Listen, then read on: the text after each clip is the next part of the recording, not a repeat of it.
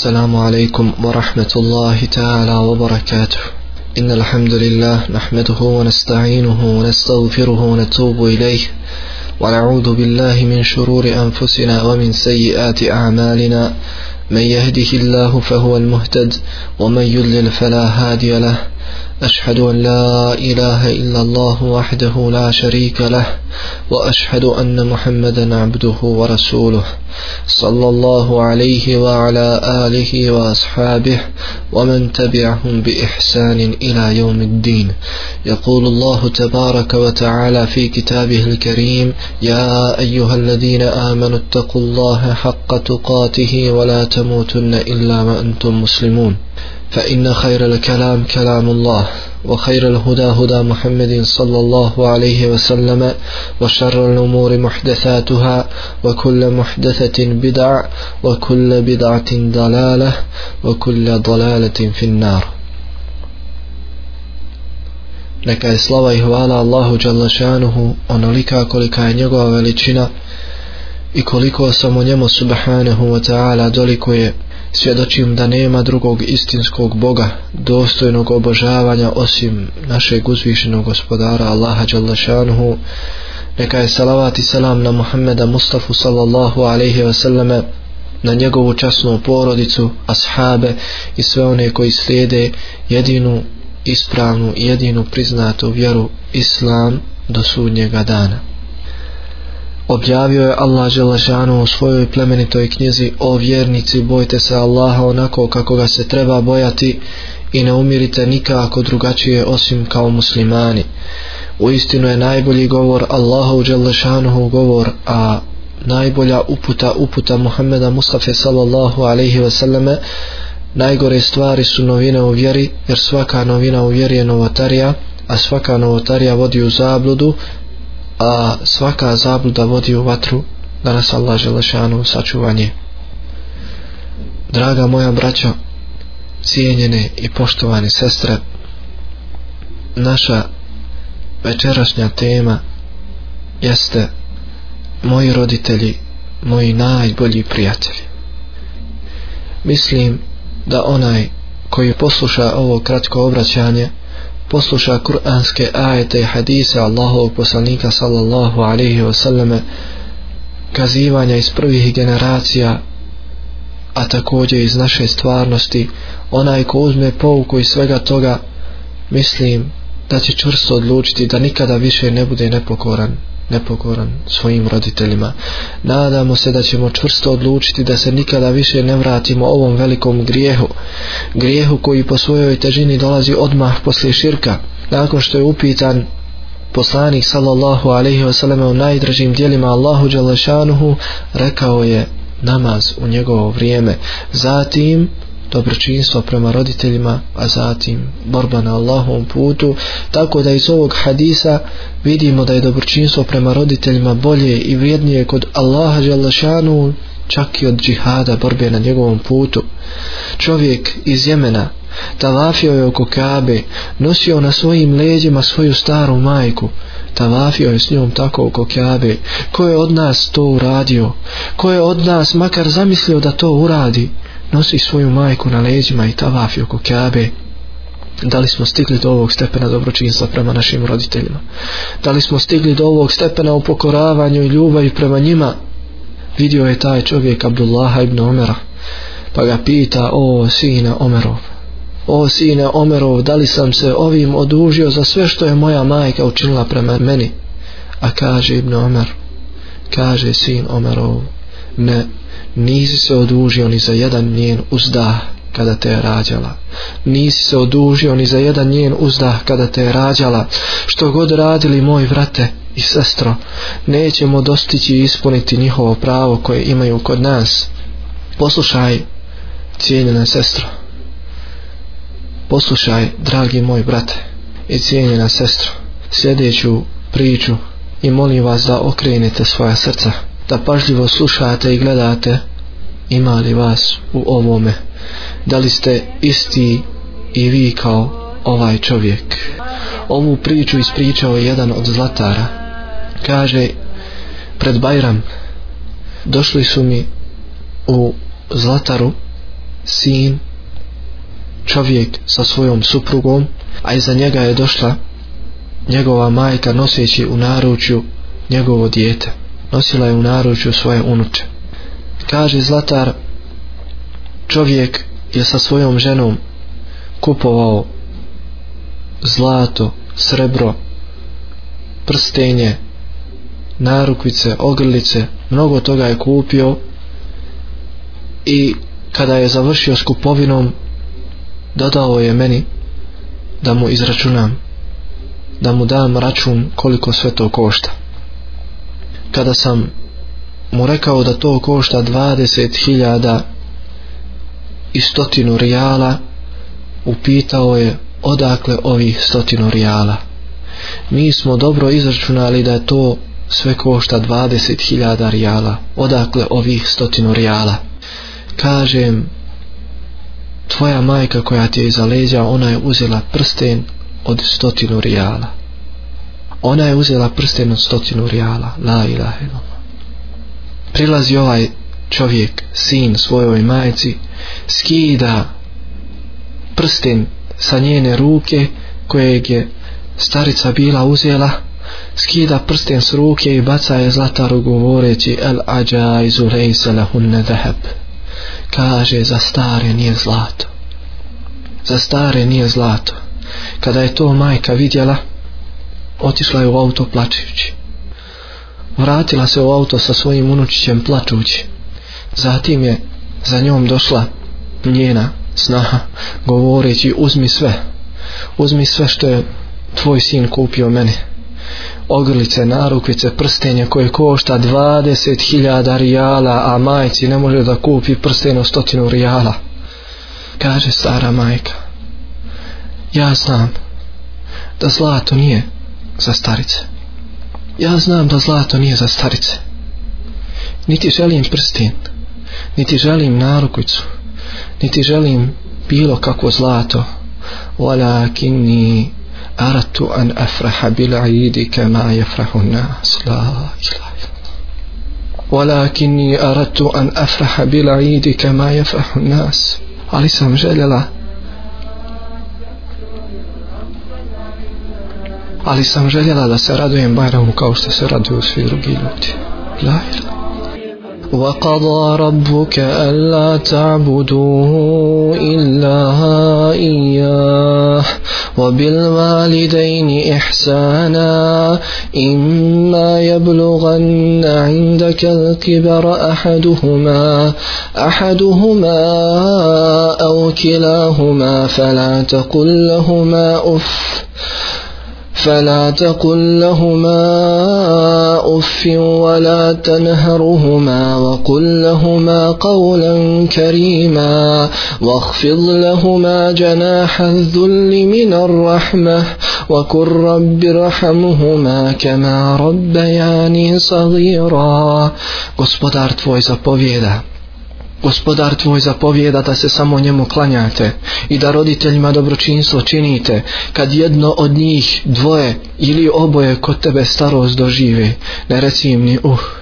i ne podvikni na njih i obraćaj im se riječima poštovanja punim budi prema njima pažljiv i ponizan i reci gospodaru moj gospodaru moj smiluj im se oni su mene kad sam bio dijete njegovali. Koliko, dragi moji brate, ima ljudi koji daju veću prednost svojim ženama nego svojim majkama. Dolazi kući s poklonima, majka gleda, nada se njima, pita svojim očima za koga su ovi pokloni. Oni su za ženu, za majku nema ništa.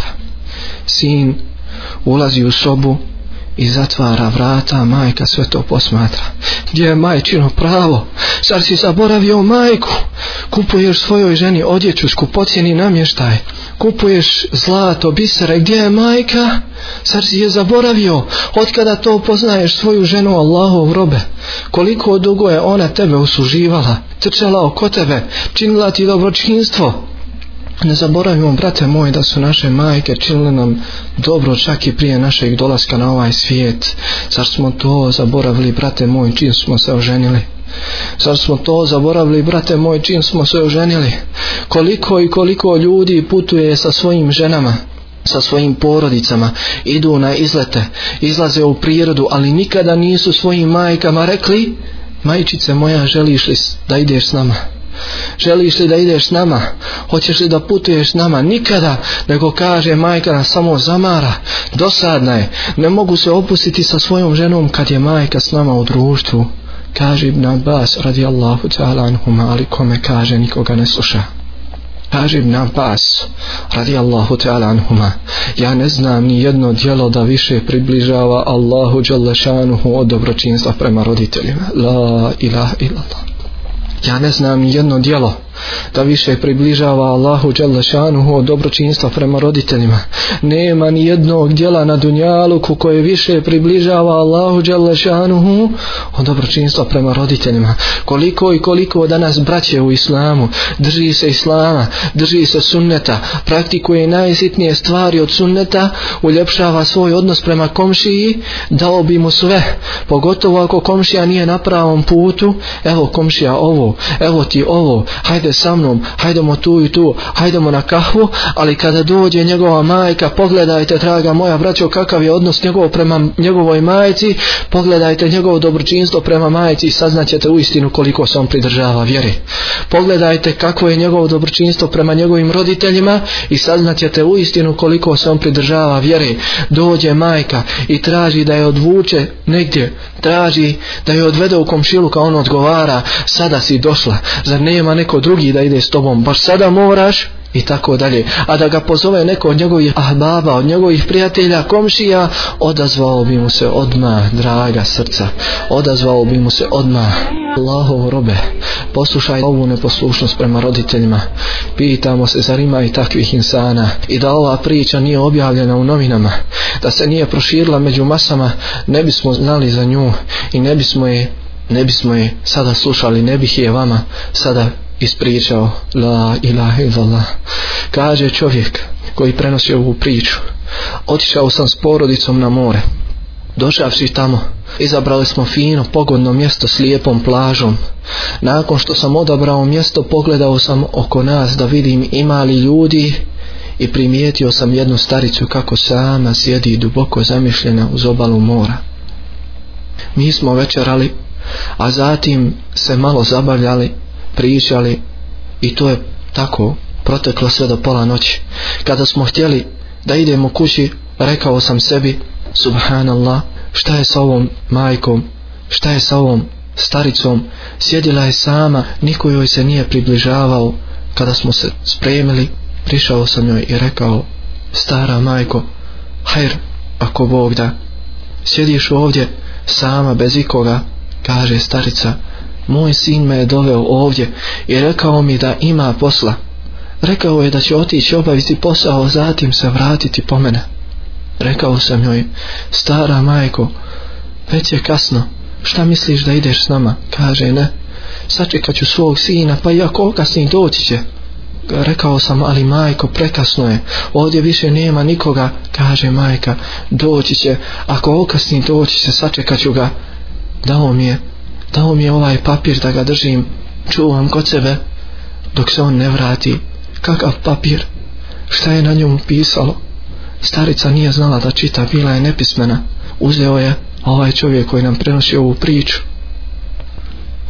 uzeo je papir i pročitao ono što se nalazilo na njemu pročitao je ono što je bilo napisano na njemu znaš li brate moj šta je pisalo njen sin je napisao na listu papira nadam se da će onaj nadam se da će onaj ko ovo pročita uzeti i odvesti ovu staricu dom staraca zar tako Allahu robe sa svojom majkom koja te je nosila zar tako Allahu robe sa svojom majkom koja te je nosila rodila, hranila, odgajala a njeno zdravlje sve to trpilo zar tako s majkom muslimankom poslušaj dragi moj brate i cijena sestra kakve su bile pred islamske majke kakve su bile pred islamske majke, kako su bdile nad svojom dječicom.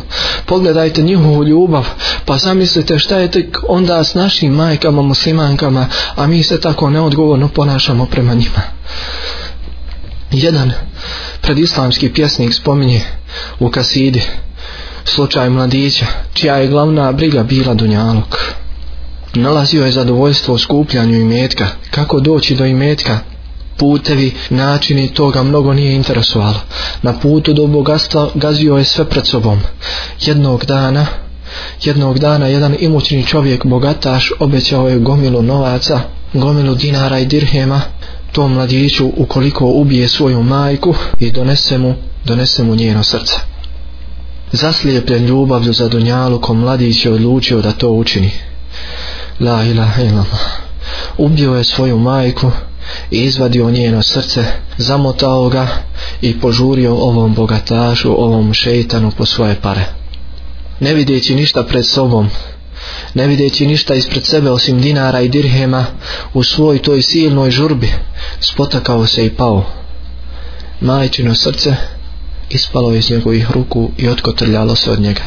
Majčino srce ispalo iz njegovih ruku i otkotrljalo se od njega ustao je mladić brišući sa sebe prašinu, a iz majčinog srca. A iz majčinog srca progovara majčin glas.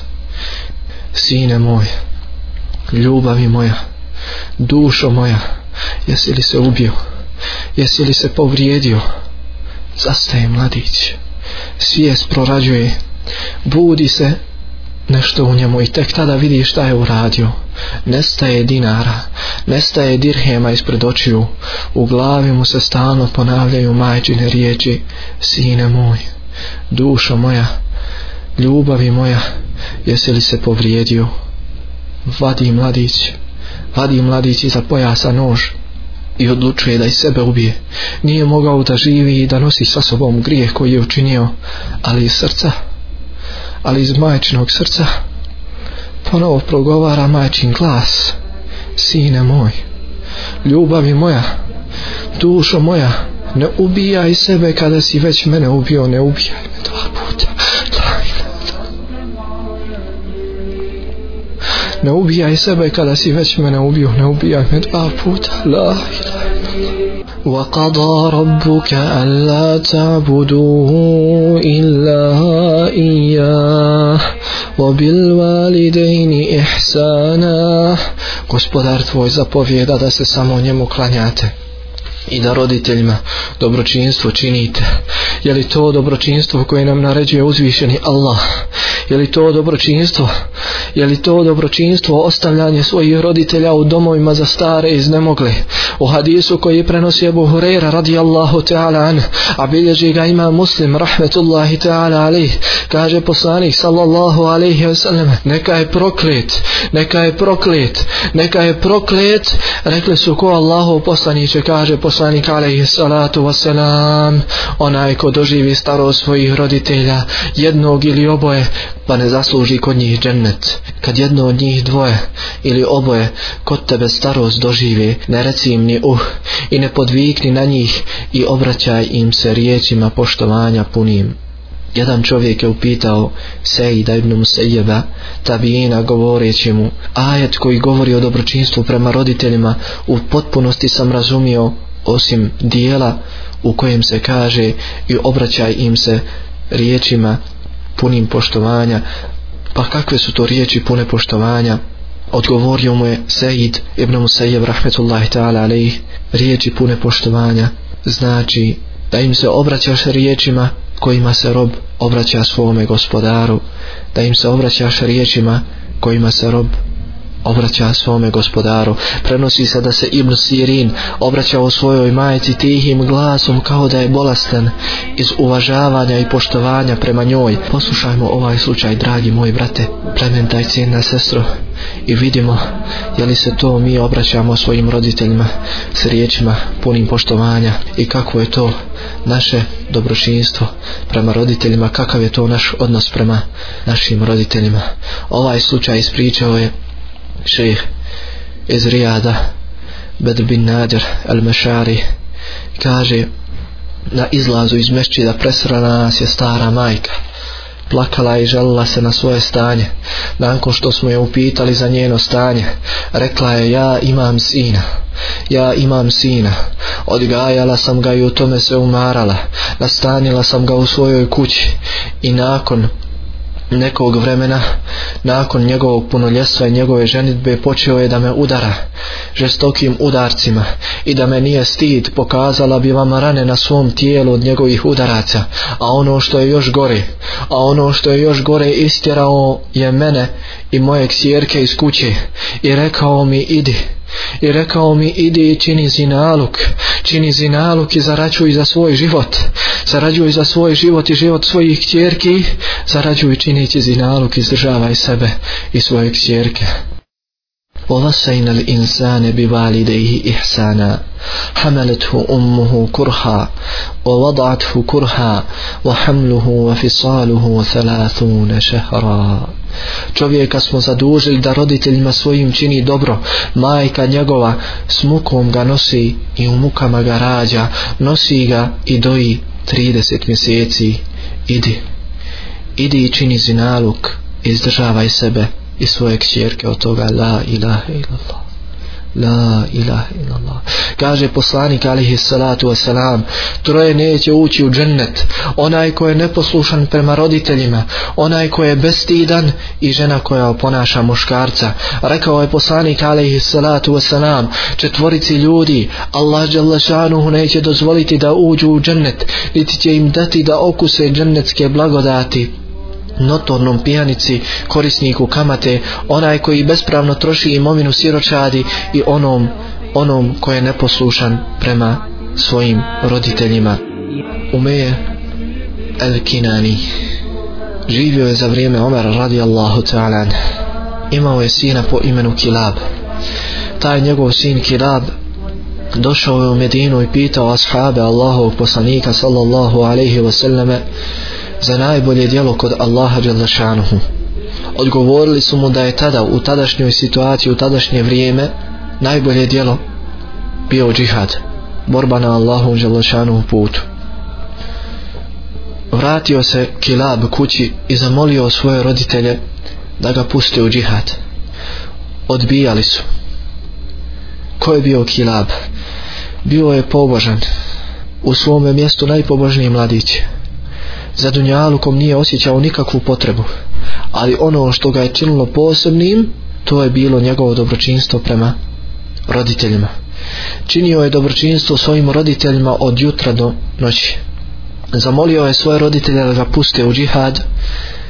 Odbijali su roditelji u početku, međutim, pošto je Kilab sve više i više tražio dozvolu od roditelja, oni su ga pustili i dozvolili mu da ide u borbu otišao je mladić u borbu, a otac i majka stalno su se prisjećali svoga sina i njegovog dobročinstva. Prema njima, jednoga dana, dok su sjedjali pod drvetom, vidjeli su na njegovom vrhu pticu kako iz svog kljuna hrani malo ptiće. Pa se sjetio stari otac svoga sina Kilaba pa je zaplakao i sjetila se majka svoga sinčića Kilaba pa je zaplakala oslijepio je Umeje od plakanja za svojim sinom. Došao je Omer radijallahu ta'ala i ispričao mu svoj slučaj, ispričao mu je kako je bilo dobročinstvo njegovog sina prema njima, a sada ga nemaju, uza se, a toliko im je bio potreban. Pa je zaplakao Omer radijallahu ta'ala i naredio da odmah pošalju glasnika vojskovođu u čio je vojsi bio kilab da ga odmah pusti i vrati, vrati u Medinu. Vratio se Kilab u Medinu i došao pred Omera. Pitao ga je Omer o njegovom odnosu prema roditeljima. Mladić ga je upoznao kako je svoje roditelje hranio, pojio mlijekom, bio im na usluzi od jutra do noći. Pozvao je Omer Umejet Al-Kinanija koji je već bio oslijepio njegovo zdravlje se pogoršalo pa ga je upitao o umenje ima li nešto da želiš na ovom dunjalku imaš li potrebu za nečim kaže umenje ali kina ni ništa me na dunjalku ne raduje niti imam ikakvu potrebu za njim osim da još jednom osim da još jednom zagrlim svog sina Kilaba da ga privijem na grudi da osjetim njegov miris i da ga poljubim prije nego što umrem zaplakao je Omer a zatim naredio Kilabu da pripremi mlijeko da pripremi hranu svome ocu kako je to nekada radio nakon toga Omer radijallahu ta'ala an je uzeo posudu sa hranom i donio je do Umejeta El Kinanija i rekao napisa ovog mlijeka o oče Kilabov probao je Umeje mlijeko iz posude, a zatim rekao, Ja emir al mu'minin, inni ađidu fil lebeni raihete voledi kilab, o vođo pravovjernih, ja osjećam u ovom mlijeku miris svoga sina kilaba, kaže Omer, huve da ibnuk, huve da ibnuke ja umeje, to je tvoj sin umeje to je tvoj sin. Pa je zagrljio umenja svoga sina, privio ga na grudi i stao ga ljubiti bez prestanka. Plakali su obojica, plakao je Omar i svi ostali prisutni. أولئك الذين نتقبل عنهم أحسن ما عملوا ونتجاوز عن سيئاتهم في أصحاب الجنة وعلى الصدق الذي كانوا يوعدون أتو od takvih ćemo mi dobra djela koja su radili primiti, a preko ružnih postupaka njihovih preći od stanovnika dženneta će oni biti istinito obećanje koje im je dano, mi ćemo ispuniti. Da li si pomislio ikada, dragi moj brate, da odeš svojoj majici prije nego što ona zaspi, da je poljubiš u čelo, da zatražiš od nje, da čini Allahu Đelešanuhu dovodati oprosti jer dova roditelja se ne odbija. Da li si ikada pomislio da odeš i poljubiš svoga oca u čelo prije nego što on zaspi i da zatražiš od njega halala za sve tvoje propuste u tvome dobročinstvu prema njima? Da li ste, dragi moji brate i cijena, plemenita sestro, ikada učili dovu za njih, dovu kojom nas je podučio Allah želešanuhu, gospodaru moj, smiluj im se, oni su mene kad sam bio dijete, njegov ali. Da li smo ikada razmišljali šta će biti s nama ako dođemo pred uzvišenu s ovim grijehom? Čovjek ostavio je svoju majku u domu za stare i znemogle. Nije dolazio, niti se javljao godinu dana. Majka se razbolila teškom bolešću i tražila od odgovornih lica u ovom domu da nazovu njenog sina i da mu poruče da ga želi vidjeti zadnji put, da ga želi zagrliti, poljubiti zadnji put, nazvali su ga i rekli mu šta želi njegova majka, šta je on rekao. Rekao je nemam vremena, imam posao, imam trgovinu, ispustio je slušalicu. Umrla je majka, a nije vidjela svoga sina. Umrla je majka, a nije vidjela svoga sina umrla je žaleći za njim. Žalila ga je, ma šta on uradio s njom, nazvali su ga iz doma za stare i obavijestili ga o smrti njegove majke. Znate li šta je rekao ovaj muđerim, ovaj zalim? Rekao je, završite što treba oko nje i ukopajte, a zatim i dostavite, dostavite račun svega toga. Neće ući u džennet. Neće ući u džennet onaj ko je neposlušan prema roditeljima. Pogledajmo Selef, naše ispravne prethodnike, kakvi su bili prema svojim roditeljima. Ebu Hurera radijallahu ta'ala an, sreo je jednog mladića sa starim čovjekom i upitao ga ko ti je ovo, kaže mladić, ovo je moj otac. Savjetujući mladića, kaže Ebu Hurera radijallahu ta'ala an, nemoj ni slučajno da ga zoveš njegovim imenom, nego ga zovi oče, nego ga zovi baba, babuka, nemoj nikada da ideš ispred njega, nego idi uvijek iza njega. I nemoj nikada u društvu da sjediš ispred njega, nego sjedi uvijek iza njega. Jedan od ispravnih prethodnika nikada se nije htio popeti na sprat iznad majke, bojeći se da ne bude iznad nije la ilaha illallah. Drugi nikada nije jeo s majkom iz iste posude, bojeći se da on ne posegne za komadom, za zalogajem hrane koje je već prije namjeravala njegova majka da uzme. Pogledajte dok su stigli u dobročinstvu prema svojim roditeljima.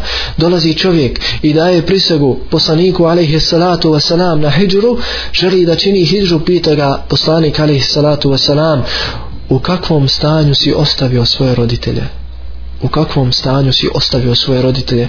Kaže, ostali su iza mene plačući, kaže poslanik alihi salatu wasalam vrati se i razveseli ih kao što si ih rasplakao dolazi drugi i traži od poslanika sallallahu alaihi wasalame da ide u džihad pita ga poslanik imaš li majku kaže da Želiš li nagradu i oprost od Allaha, pita poslanik, alaihi salatu wasalam, kaže, svakako Allahu poslaniće, kaže poslanik, sallallahu alaihi wasalame, drži se njenih nogu, drži se njenih nogu, postići ćeš džennet, džennet je ispod njenih nogu. Vratimo se, dragi moji brate, plemen, taj cijena sestra, majci i ocu. Držimo se njihovi stopa, postići ćemo inša Allahu ta'ala džennet.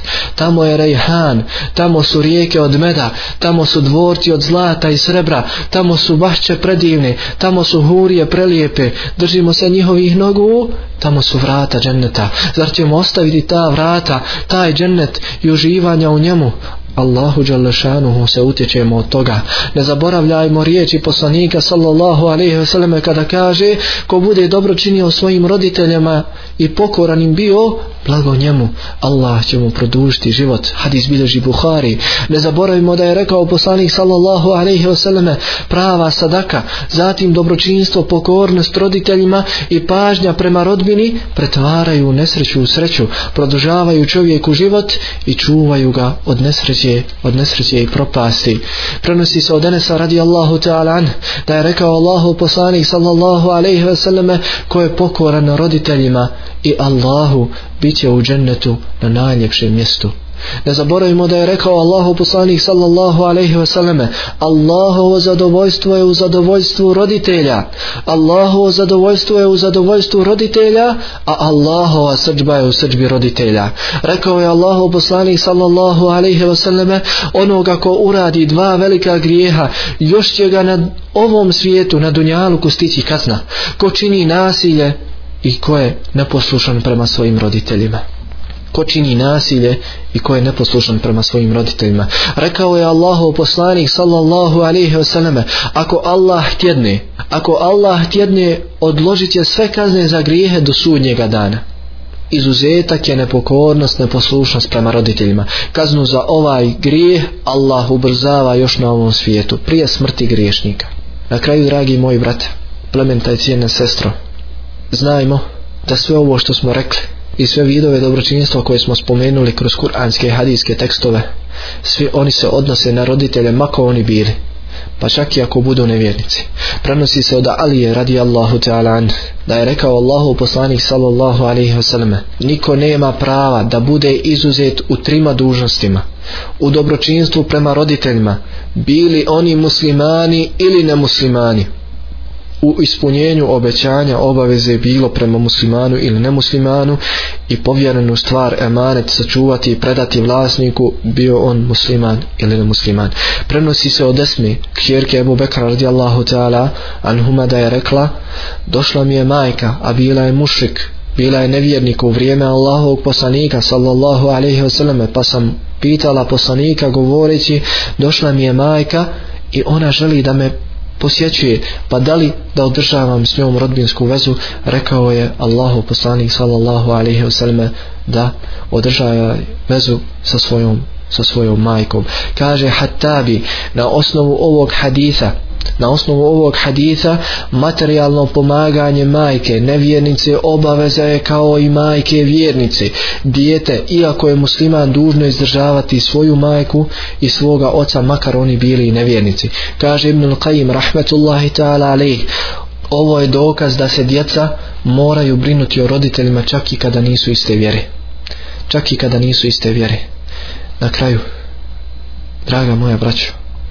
plemente i cijene sestre budimo poslušni svojim roditeljima i obraćajmo im se na lijep način sa riječima punim poštovanja slušajmo ih osim u onome osim u onome što je grije jer nema pokornosti stvorenju u nepokornosti stvoritelju čuvajmo ih čuvajmo njihovo obraz čast ponos i imetak, na njihov poziv odazivajmo se žurno i nasmijana lica, poštujmo njihove bližnje i prijatelje nakon, nakon njihove smrti, učimo često dovu za njih, tražimo oprosta kod Allaha Đalešanuhu za njih, molim Allaha Đalešanuhu da ove riječi učini dokazom za nas a ne protiv nas i da ih upiše na vagu naših dobrih dijela kažem ovaj govor i molim Allaha Đalešanu da oprosti meni i vama da oprosti mojim i vašim roditeljima da oprosti svim muslimanima i muslimankama a molite ga i vi jer Allah žele šanuhu naš uzvišeni gospodar je onaj koji oprašta voli opraštanje pa ga molimo pa ga molimo da nam oprosti